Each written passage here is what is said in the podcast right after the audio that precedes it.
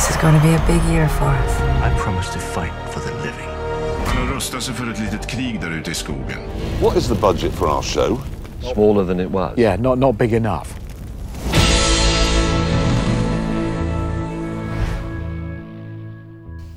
Hej och igen varmt välkomna till det sextonde avsnittet av Streamingpodden med mig Jonas Rydholm Birmi och Magnus Svensson. Vi är båda från Iron Technology.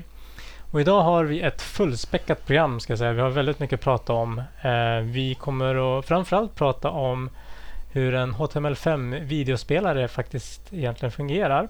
Vi har några nyheter att kommentera såklart. Disney Plus och Verizon, Discovery i UK och eh, Nordic Entertainment och Telenor Kanal Digital. Och sen såklart Telia ska vi prata om.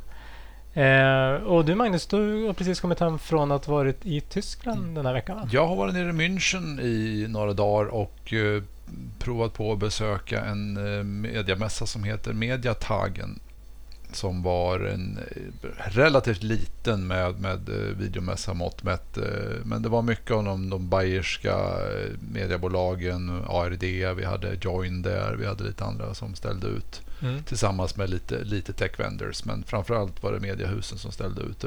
Det var en kombination av en, en, en videomässa men även kändes lite som en rekryteringsmässa också. Det var mycket, mycket studenter och mycket mm. rekryteringsdiskussioner mm. samtidigt som det var de stora företagen stod där. Så att vi, mm. jag och Boris, vår kollega, var nere och sen passade vi på att hälsa på lite kunder. På, på. Hur upplever du diskussionerna gå där nere? Vilka utmaningar man, man pratar om? Jag skulle säga att det är väldigt likt de utmaningar vi har här i, i Sverige framför allt. Att liksom de, alla sitter och tittar på hur de kan rusta sig och hur de kan eh, på något vis samarbeta för att, att eh, hantera de stora globala spelarna som mm. även rullar in där. Och de har, de har väl egentligen rullat in i större grad i Tyskland än vad de har gjort i Sverige och Norden än så länge. Mm. Så att eh, samarbeten bland annat så pratar vi en del med Join som är Discovery tillsammans med eh, ProSieben så mm. att Eins deras, och de har nu 4,5 miljoner abonnenter mm. på deras uh, gemensamma plattform. Så att, det var inte så länge sedan de drog igång? Nej, det var några månader sedan de drog igång bara och de har redan 4,5 miljoner abonnenter och kommer nu lansera ytterligare mer content och uh, som ryktena säger i, i, pressen så kommer de lansera det även globalt. Mm. Eller internationellt. Kunde de berätta någonting mer om just den biten eller är det fortfarande lite oklart? Det är fortfarande, vi försökte få lite mer information och de sa i princip det som står i pressen. Ja. Men. Hintade eller att det var väl heller inte osanning det som stod där. Mm. Så att, sen gissar jag att de kommer börja i de tysktalande länderna där nere först kanske och mm. sprida sin. Men det är ett intressant koncept och är, jag, spontant skulle jag vilja säga att det skulle vara intressant för dem att, att på något vis ta sin samma plattform de nu har byggt upp och kunna använda på flera marknader. Mm. Och där kommer ju den här aspekten hur, hur väl den är designad från början för att kunna fungera på en global marknad med de lokala avvikelserna som finns där. Ja. Eh, men det är å andra sidan något som kanske Discovery då har viss erfarenhet av. Jag tänkte säga vi, vi kommer ju få höra lite om ett par mm. veckor om, om samma sak och, och, det är väl en av kanske som vi också kanske får höra om lite om Discoverys utmaningar också. Den, den floran med plattformar de mm. internt sitter på. Mm. Med, med då Join som är till viss del har 50 procent ägt. De har Dplays plattform. De mm. har lite andra plattformar. Mm. Så det är nog en utmaning som, som de sitter med och ser hur de kan aligna det. Och innan vi drar igång egentligen med dagens program så tänkte jag eh, berätta om att vi finns på eh, Slack. Streamingpodden finns på Streaming Tech Swedens Slack. Eh, och länk till den går man till slack.streamingtech.se och där finns det en kanal som heter Streamingpodden. Och där kan man gå med om man vill vara med och dels diskutera de ämnen vi pratar om här eller ha förslag på ämnen vi ska ta upp eller eh, kommentarer Eh, eller frågor framför allt. Eh, så där kan vi passa på att, att promota lite grann och gå in på den slacken och den kanalen eh, och, och prata med oss helt enkelt. Ja, kom, kom gärna med input, feedback, synpunkter, frågor, idéer. Allt, allt mottages gärna. Mm. Och Det vi ska prata om idag helt enkelt, det, det, kommer faktiskt från... Det var en fråga som, som vi fick här häromdagen. Eh, och det var egentligen det var en person som funderade egentligen på det. Man läser ju mycket om, om HTML och webbvideospelare. Det finns ju ett antal olika leverantörer av dem och, och eh, det pratas om, eh, om videospelare i Safari, och hur det skiljer sig och så vidare. Och så vidare. Och, och, frågan var egentligen hur, hur fungerar en HTML5 videospelare? Vad, vad, är det vad är det den egentligen gör? Går det inte att spela eh, eh, strömmarna i browsern direkt så att säga? Så det är det vi ska prata om, om idag. Och där kan man väl säga att det fungerar så här att eh, de flesta eh, browsers har ju möjlighet att spela, eller browsers har ju möjlighet att visa olika typer av eh, eh säga, de kan visa både bilder och video. Man kan visa en GIF-bild eller en JPEG-bild eller en PNG-bild eller lite olika så beroende på vad den har, har för stöd. Och Det är ju sådana som finns på en, på en webbsida, inget konstigt med det. Du har också möjlighet att lägga in video i form av med hjälp av en tagg som en videotagg. Men de, alltid, de är, är begränsade på det sättet att det du kan lägga in är videofiler som är ja, eh, voddar så att säga. Så mp4 eller andra format som är som, som webbläsaren laddar ner och eh, börjar spela så att säga allt eftersom. Ehm, du har ingen möjlighet med den att på något sätt kan hantera olika växlar mellan olika kvaliteter och sådana där aspekter. Och, och eh, så var det ju ganska länge begränsat till. Jag vet inte om ni kommer ihåg, men valde ju i många fall så här, först ska jag ska, ska välja eh, den här eh, band eller kvaliteten eller bitraten eller ska jag välja den här. Det var det gjorde du egentligen när du innan du började spela upp och, var, och bytte den mellan, ja då fick du en buffring och för då skulle den ladda ner en ny fil och så skulle den hoppa till den punkten och, och så. Och det såklart förbättrades ju allt eftersom genom att man kunde välja att eh, säga till webbservern att den ska börja ladda ner från en viss byte så att säga, eller byte range och börja spela därifrån. Men eh, det var ju något som såklart inte fungerade på live. Utan då använde man ju andra lösningar och det var ju, det var ju så Flash och RTSP och RTMP och den biten egentligen Eh, eh, växte för att man skulle kunna skicka en ström av videodata till, till browsern. Men sen så tog man fram eh, i V3C som är väl, ska säga, standardiseringsforumet kring, kring HTML och, och, och webb, webbdokument Där tog man fram en standard eh, som heter Media Source Extension, kort MSC.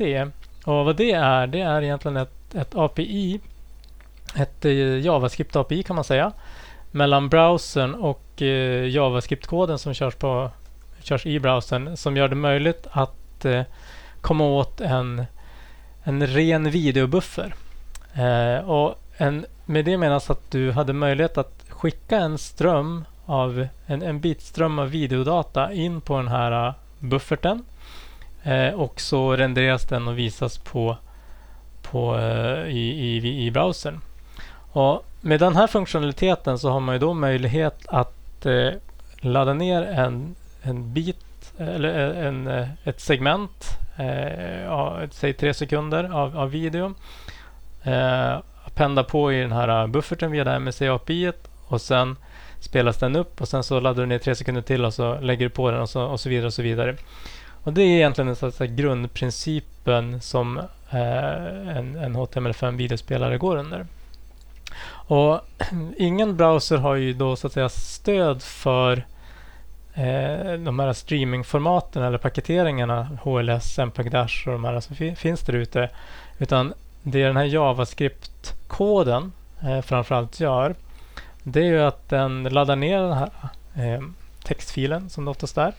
Eh, parsar den, plockar ut vilka URL det är till de här segmenten, laddar ner dem eh, och och eh, lägger på dem i den här eh, eh mediabuffern. Och Det är den som också hanterar den här möjligheten att du har eh, flera typer av kvaliteter i så att säga samma ström. Så att beroende på vilken bandbredd som finns tillgänglig som den mäter på olika sätt så kan den byta mellan att ladda ner en lätt, ett lättare segment eller ett tyngre segment. Och på så sätt så får man den här det man kallar ABR eh, hanteringen. ABR står för Adaptive Bitrate Streaming. Så att om din din eh, bandbredd går upp eller ner så anpassar sig videospelaren egentligen efter, efter det så att du inte har något egentligt avbrott när den byter däremellan. Eh, någonting mer som jag har glömt kring det man kan nämna Magnus? Tycker du summerar det väldigt bra. Eh, och, och eh, Det finns ju ett antal eh, olika spelare ute på marknaden idag. Vi har ju dels eh, kommersiella spelare eh, från Theoplayer, Bitmovin, Castlabs, ja, det, för att nämna några få. Det finns ju fler. Mm. Eh, Akamai har, har spelare också. Och sen så finns det open source-spelare från dels från Google, Shaka Player, sen så har du eh, Dash EFs egna referensspelare. Eh, och eh, ja, och, och eh, nu kommer jag inte, kommer jag inte ihåg några mer, men det finns säkert, finns säkert några till där ute. Och det, det de här spelarna gör då, det är helt enkelt den här eh, JavaScript-koden som, som hanterar den här eh, dels eh, ABR-hanteringen att byta mellan, men att, att man också att stoppa, stoppa på eller appenda på de här eh, videosegmenten till, till mediebufferten. Just det, man kan ju också nämna då eh, den här, den här videodata som du stoppar till i den mediebufferten, den behöver vara det finns egentligen ingenting i det här avbit som säger vilken kodex som den stöder. Utan det, det går inte den in på detaljen. Utan det är så givet att, okay, givet att den här browsern kan dekoda H264, då kan du stoppa på H264 videodata. Eh, så det är egentligen upp till den här spelaren att då stämma av med browsern vilka kodex har den här stöd för och huruvida den kan överhuvudtaget hantera den här videodatan som kommer in. Eh, och eh, det som det, det, man behöver göra är att behöver paketera den här videodatan i i Move containers, alltså i ISO-BMFF-containers. Eh, och de här eh, paketen så att säga, det är egentligen ett strukturerat sätt, eller det är en definition på hur de här eh, eh videodatat egentligen ligger, video och ljud ligger i, i själva eh, paketet så att säga. Eh, jag ska inte gå in på mer, mer om det. Men, eh, och då finns det ju eh, lite olika varianter ändå. Vi har, vi har HLS som Apples och sen så har vi MPEG Dash som är en annan variant. Och det finns, det finns två sätt såklart att paketera eller dela upp eh, de här eh, videoströmmarna i de här olika segmenten. Och eh, tittar vi på LS så är det ganska vanligt eh, fortfarande ska jag säga med att du har en, tagit en, tra, en transportström och bara eh, delat upp det. Det vill säga du har inte paketerat dem i de här eh, ISO BMFF-containrarna. Eh, och då kan, för att kunna hantera det så behöver ju eh, JavaScript-spelaren eh, ta den här transportströmssegmentet och paketera in det i sådana här ISO-VMF-containers och, och, stoppa in i, i, på mediebufferten. Det är ingen form av dekodning som behöver ske i det, så det är inte så processorintensivt, men du behöver skyffla lite bitar runt omkring i det i alla fall. Eh, och JavaScript är väl kanske inte det ideala språket för att göra de sakerna men, men eh, nu kommer ju WebAssembly och sådana saker så det kan vara intressant att titta på, på det som en, en eh, möjlighet att optimera där. Men, men det, det funkar ganska okej okay ändå på, på många browsers med att, med att göra den principen i, i JavaScript. Eh, och eh, eh, ja, så det kan väl vara värt att, att, att nämna den biten. Eh, här ska man då förstå, och det var faktiskt en som nämnde här på Slack i streamingpodden-kanalen, det är att många eh, äldre browsers, framförallt Internet Explorer, eh, har inte stöd för MSC API. Det kom i Internet, Internet Explorer 11 tror jag det var. Eh, jag var mer än vad jag visste när jag läste det i mm. Slack-diskussionen. Ja, och, och, det tycker man att det, det är väl inte så nytt, men det, på på många företag och eh, så kan det ju vara att man har man har ganska strikt begränsat i, i vad det är för typ av operativsystem men också vilka browsers som du har installerat på jobbdatorerna. Och det kan ju vara ett problem om man har en internsändning och ska skicka live och eh, då funkar inte den här JavaScript-spelaren på företagets datorer. De kan inte titta på strömmen. Uh, ute i in the wild, så att det är hemma, där är de flesta kanske nyare browsers. Men, men just på sådana ställen kan det ju kan det, det vara begränsat. Så det kan ju vara bra att veta om i alla fall när man håller på i det. Ja, det, det, är som vanligt alltid några begränsningar och, och gamla device, gamla operativsystem mm. är alltid problem och det gäller alltid att ha lite koll på det. Men att mm. Jag tror inte det är jättestort, men det verkar vara ett, det var faktiskt ett större problem som jag förstod än vad jag faktiskt har mm. upplevt det. Ja, nej, men jag, det är väl att man inte eh, jobbar på sådana företag så mycket eh, som har den policyn att kanske köra äldre. Eller man har inte hängt med så att säga helt enkelt. Eh, men det, ja man kan ju prata hur länge som helst om hur en HTML5-spelare är uppbyggd. Men, men, men det är ju så att säga för att svara på frågan så fick, hur, vad, är det, vad är det den gör och hur fungerar den egentligen? Så det, det är de, de delarna den här JavaScript-koden gör.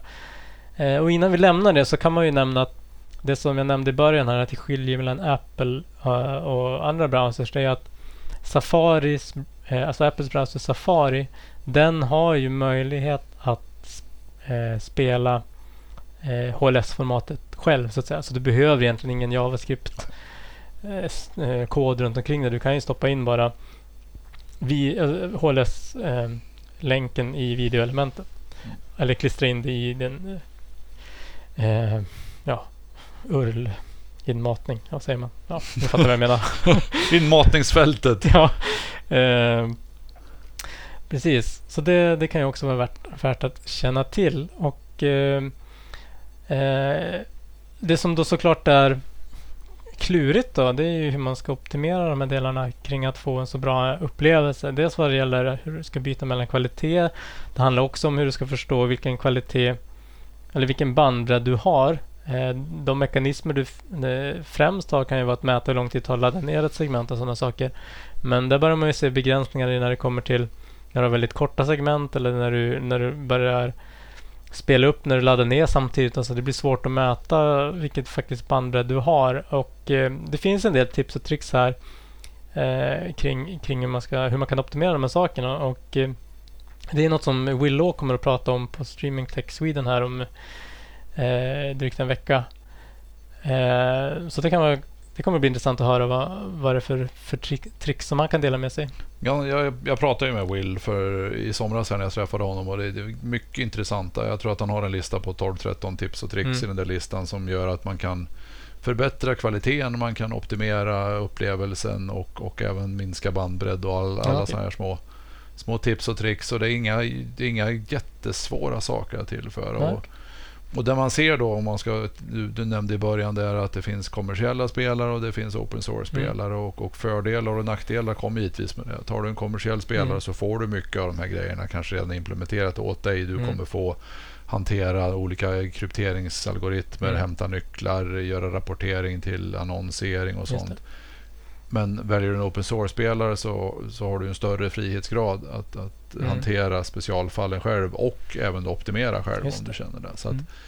Det är lite beroende på sitt eget teknikkunnande skulle jag säga Mm. och, och hur mycket tid man vill lägga på att ha kontrollen mot att faktiskt köpa Mm. den kontrollen. Perfekt. Ja, nej, men det är väl det vi kommer att prata om, om det i det här avsnittet. Och, och, och eh, som sagt, om ni har några följdfrågor eller funderingar när ni har lyssnat på det här så är ni väl, varmt välkomna in i Streaming Tech Sweden-slacken och kanalen Streamingpodden. Och där eh, ställer ni en fråga, eh, så antingen besvarar vi den där eller så kanske vi tänker att det är något som är intressant för en bredare massa. Då tar vi upp det i ett avsnitt, kommande avsnitt här. Eh, men vi lämnar HTML5 videospelare för nu i alla fall och eh, vi behöver såklart prata om en del av de nyheterna som vi har mötts här under veckan eh, sen, sen vi spelade in förra avsnittet. Och eh, vi kan väl börja med Disney Plus och eh, Verizon. Ska du Magnus sammanfatta för oss vad, vad det är vi har hört kring det? Ja, det, det som... Om vi backar några veckor tillbaka så kom ju när Apple hade sitt stora event så sa Apple att de lanserade sin nya tjänst. Det är väl nu 1 november. Apple TV Plus och då bjuder de ett år eh, abonnemang på Apple TV Plus för de som köper någon form av, av Apple-pryl, dator, Mm. telefon, padda och allting sånt under ett år. Men det var en per familj tyckte jag. Ja, det var en per familj Mm. tror jag det var. Sen nu Mm, i dagarna så gick, eh, gick ut en nyhet att eh, Verizon, den näst största eh, mobiloperatören och, och dataoperatören i USA, hade partnerat ihop sig med, med Disney. Mhm. Så att alla som har ett premiumabonnemang eller en, en, eh, ett, ett större abonnemang hos Verizon kommer få ett år med Disney Plus från Mhm. lanseringsdatumet den 12. Vilket eh, jag funderade lite snabbt och jag slog upp det nu och det innebär ungefär att det är ungefär 50 miljoner abonnenter som får tillgång till det här den 12 Ett helt december. år. Ja. Mm. Så att de gjorde ju en motsvarande pryl, om inte kanske till och med större. För att Verizon har idag enligt sina egna uppgifter 100 miljoner mobilabonnenter. Men ungefär 50 miljoner av dem är eh, de här premiumsegmentet som kommer få den här tillgången. Mm. Så med ett vips-slag så har de 50 miljoner abonnenter i USA på sin tjänst. Tror de att det här också kommer driva de som går från Alltså driva folk över till premiumabonnemangen hos Verizon? Det, Det finns ju självklart en, en Mm. det här är ju egentligen konkurrensfaktor för vi har ju i motsvarande saker så eh, I USA så T-Mobile bjuder ju på Netflix om man har deras abonnemang och, och AT&T har eh, HBO med i sitt. Mm. Så att det är på något vis en liten fight mellan att, att man ska ge någonting mer. Det räcker inte bara att erbjuda ett bra mobilteleabonnemang med Nej. data utan det här är ett sätt för mobiltev och i det här fallet så var det faktiskt vår eh, svensk bekanting Hans Westberg som var med och, och Mhm. pressreleasade det här. Mm. Han är ju VD för Verizon. Mm. Så att eh, det här är ju en kamp mellan mobiloperatörerna att, Mm. att tillhandahålla någon extra bonus och ett, ett bra sätt för våra streamingtjänster att nå ut Mm. på ett enkelt sätt. Så att den här fighten tror jag inte är det sista vi kommer se av. Nej. Och såklart den lite konspiratoriska eh, tänker ju då direkt så här med, med alla diskussioner kring nätneu- nät, nätneutralitet som varit i USA. Kommer eh, Verizon-kunder eller eh, kommer Tror ni de kommer strypa bandbredden eller så här, kommer Verizon premiera bandbredd till Disney Plus versus Apple TV Plus? Jag tror inte det, men självklart, det finns ju sådana tankar bakom. Jag, jag tror inte de kommer göra det, men däremot så, så har de ju på något vis lockat in dem ändå. Och, Mm. och jag tror att Disney Plus är så pass attraktivt så att det, som du säger, det kan vara så att de kommer få ytterligare abonnemang tack vare det. Så att om man i USA passar på då att eh, antingen så har man ett Verizon Premium-abonnemang eller så uppgraderar man till ett och köper en Apple TV. Så då har du både Disney Plus och Apple TV Plus Ja. eh, gratis i Mm. två år. Vilket i och för sig är bra. Då har du ju råd att betala för Netflix och eh, alla andra. Ja, det, är, det, är- det är ett enormt krig vi har framför. Det krig, jag vet inte om det är krig eller vad, om det är eh, konkurrens. Mm. Ja, för den aspekten är ändå ganska intressant. Det är, det är ju det som gör att jag inte tror att det kanske... Ja, det är såklart tid som alltid är en begränsande faktor också, inte bara plånboken. Men, men just där att... Okej, det här första året kommer kanske inte det hända så mycket, men om ett år när, när man då faktiskt behöver ta ställning till vilken av de här... Man har ju redan så att säga fått den här gratis eh, inkörsporten, Mm. man ska säga. Eh, och om du då ett år, då, då ska du faktiskt då börja välja mellan vilka du ska fortsätta betala för. Mm. Då, då sitter ju då sitter ju de som inte kan prestera på samma nivå lite tuffare till då. Men det är ju som, som vi pratade om i förra podden att vi har ju Disney har ju egentligen en inkomstkälla förutom streaming. Så Disney kan säkert fortsätta göra sådana här dealar om de, om de känner att det här ger tillräckligt med eh, kickback på deras försäljning av, Mm. av eh, prylar. Mm. Samma med Apple, om de ser att, att de säljer bättre på grund av att de delar ut gratis tv-abonnemang Mm. så tror jag inte det är någonting som hindrar Apple att fortsätta de här gratisdealarna heller.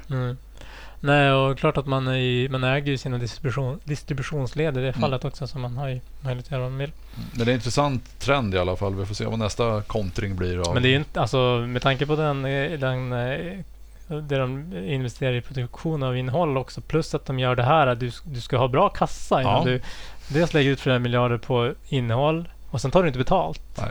första året. Ja, Mm. det är nog inte alla som har den eh, plånboken. Så att det, de köper sig in på marknaden, det måste Ja. man säga. Det gör de. Spännande. Ja, men vi lämnar det. Sen ska vi väl lämna lite kort. Du, du lämnade hastigt här. Dplay. Mm. Eh, vad är det senaste vi har hört där? De lanserade för några dagar sedan Dplay. Dplay har vi haft i Norden ganska länge Mm. och, och eh, jag tror det var fler marknader. Nu har de lanserat Dplay även i UK, i Storbritannien och Irland. Så att där har de ett antal lokala eh, Discovery-kanaler, de vanliga. Och, eh, och det bygger på samma plattform som, som, som Mm. vi använder här i Norden också. Så att, eh, Men det är annonsfinansierad tjänst? Det är annonsfinansierat helt och hållet. Och det är Mm. väl, det är väl som, som vi också har sagt förut, det är ju den här nya trenden med antingen så har du de här stora drakarna med subscription Mm. Mm. eller så är ju ett, en, en bra konkurrensmöjlighet med, med annonsfinansierat. Mm. Vi har ju sett nyligen Rakuten göra liknande. Vi har, eh, det var faktiskt en av de stora som ställde ut på den tyska mässan jag var på i dagarna var ju Pluto TV som har Mm. också en annonsfinansierat. eh, Jag tror att Pluto har väl en, en 200 kanaler annonsfinansierat i sin, eh, som ägs av Viacom. Mhm. Så att jag, det ser ut att vara det som de två varianterna av att nå ut med sitt innehåll. Det är att göra en, en subscription-tjänst alternativt en, en ren avod, en Mm. annonsfinansierad tjänst. Och Dplay är ju då den, den modellen. Så att Mm. kul att se att de lanserar även i UK och, och eh, Irland. Vi får se. De har ett antal kanaler där och vi får se hur, hur Mm. den... Hur den Ja, men spännande. Tack för den nyheten. Eh, och sen har vi det som vi läste om i veckan, eh, vilket kanske jag tror till en början förvirrade kanske många lika mycket beroende på hur det var, var framlagt. Men, men sen när man började tänka efter lite grann så var det väl kanske inte lika stor nyhet eh, nödvändigtvis. Och det var just det att man läste om att Nordic Entertainment och Telenor i Norge gick ihop. Eh, och det är klart att om man formulerar sig så så låter det ju lite TV4 Telia av det hela så att säga. Men vad det var i praktiken då, det är ju att eh, Nordic Entertainments satellitdel, eh, satellitdistributionsdel via Sat Consumer eh, slås ihop med eh, Telenors kanal Digital som också är satellit Mm. TV-distribution. Och även IPTV var med i de här. Så Okej. deras bredbands-TV var även med i. Så redan TV-distributionsaffären. Ja. Eh, vad det gäller själva Viasat-kanalerna och eh, innehållet, det är ju fortfarande Nordic Entertainment. Ja, så och det är via ingenting Play i den och hela dealen. det. Utan de, de, som Anders Jensen gick ut och sa i pressen häromdagen att de kommer ju satsa på ett bit renodlat streamingföretag. På Mm. det som är kvar av nämnt så att säga. Och det är ju det är ändå på något sätt man måste ju, när man ska tänka sig deras bakgrund då, är ju i satellit. Mm. Eh, det var väl så det började eh, och eh, där man använde, och det, och det finns ju en intressant analogi där man, man det, det, var, det var i ett sammanhang när det var trångt på marksänt, eller först och främst så fick inte alla. Eh, du behövde ha massa, det var massa krav helt enkelt på att finnas med i marksänt och det finns Mm. väl fortfarande också i och för sig. Eh, men eh, det fanns ju en annan luft som var mer fri och det var den via rymden. Mm. Eh, så då kom ju, kom ju, kunde man etablera nya kanaler via den vägen. Mm. Sändes i London allting då. Ja. Och, och där har ju, man kan ju säga, att, säga lite grann att internet och internetvideo har ju haft lite grann samma skifte när du inte har möjlighet att sända marksänt. Du kanske inte har en satellit. Eh, då kan man skicka över internet. Mm. För det är egentligen fritt för vem som helst att använda sig av.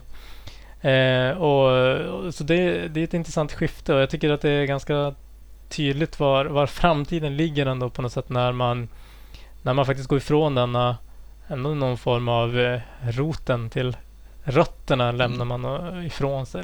Det måste ju vara som att ja, det är väl deras skötebarn på något sätt ändå. Sköter barn men samtidigt väldigt logisk affär egentligen. Då, Mm. att, att de kan få en, en helt annan volym tillsammans på det här Mm. och, och driva det säkert mer kostnadseffektivt. Mm. Och, och sen fokusera på de nyare teknologierna på, på varsin ände. Ja, det är väl kanske inte tillväxten där Nej. främst. Att säga. Eh, Medan men- det är fortfarande säkert en stor affär. Så att jag Mm. tror att, det, att man kan hitta synergierna tillsammans. Få en annan lönsamhet på den affären som fortfarande är ganska Mm. stor för de båda två. Så att, Mm. Det som dock är intressant lite grann, jag menar, även om du där var det satellit-tv-distribution och IPTV som du nämnde. De har ju båda, både, båda haft, eh, både via Sat Consumer och eh, Kanal Digital har ju haft eh, streaming eller TV Everywhere-tjänster. Och, Mm. och vad är det TV Everywhere-tjänster? Jo, men i praktiken kan man säga att det är att de kan- kanalerna som Eh, eller det innehåll och de kanaler som fanns i, i, i tv-paketerna så kunde du även konsumera via din mobil och ja, eh, webben så att Mm. säga. Över internet då, eller över, över inte en av de traditionella näten. Eh, och jag vet att Kanal Digital hade ju till och med, de hade ju en Apple TV-app också Mm. som, som var kopplad till din stora TV så att säga. Så det var ju ganska lik eh, distributionsmodeller. Så, att, så det blir intressant vad de, vad de kommer att göra med de Mm. två. Då, så att säga. Eller om de, för där kan man väl ändå lite tänka sig att det tassar på varandras delar både via Play Streamings del Mm. och, och eh, Kanal Digital. Och, nämns Och, och där blir det ju också då intressant med, med via eh, Nent som sitter på eh, att de äger ju rättigheterna så att Telenor måste ju fortfarande ha TV Anywhere eller Simulcast-rättigheterna för att sända ut det. Så att, Mm. Där har inte jag riktigt sett hur de har tänkt att lösa de bitarna än men det har de säkert redan kommit Mm. överens om. Ja, säkert. Eh, absolut. Nej, men det får vi helt enkelt avvakta och se. Någonting mer kring det eller ska vi lämna det? Gå till Vi nästa? kan lämna det. Bra, då tänker jag avslutningsvis så, ja, vad var väl idag vi fick veta eller var det igår, jag kommer inte ihåg, så har ju Telia nu fått en ny VD och styrelseordförande. Ska vi prata om det? Det vi kan väl nämna i alla fall, jag tror inte jag satt mig in i det som noggrant i alla fall. Det började med för några dagar sedan att de gick ut att sa att deras ordförande kommer bli Lars-Johan Jarnheimer som kommer Mm. från Tele2 senast och har MTG-bakgrund och, och en mediabakgrund. Mm. Och nu igår, eller idag, igår var det kanske, så fick vi besked att det är Alison Kirkby som tar över vd-posten som också kommer från Tele2 Mm.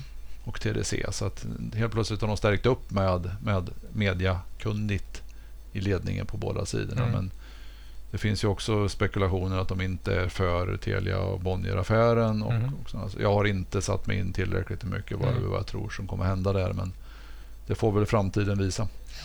Nej men och det är väl som de har sagt i sina pressmeddelanden kring just det. Att menar, det är ju ett avtal man har Mm. ingått och eh, man lär ju honor that så att säga. Givet att, att det går igenom allt, allt runt omkring. Eh, men sen får, sen får man se hur, hur det utvecklar sig Mm. och om man delar upp delarna inom internt mellan infrastruktur och tjänster eller hur man gör. Det kan ju, det kan ju vara vi i det här rummet spekulera.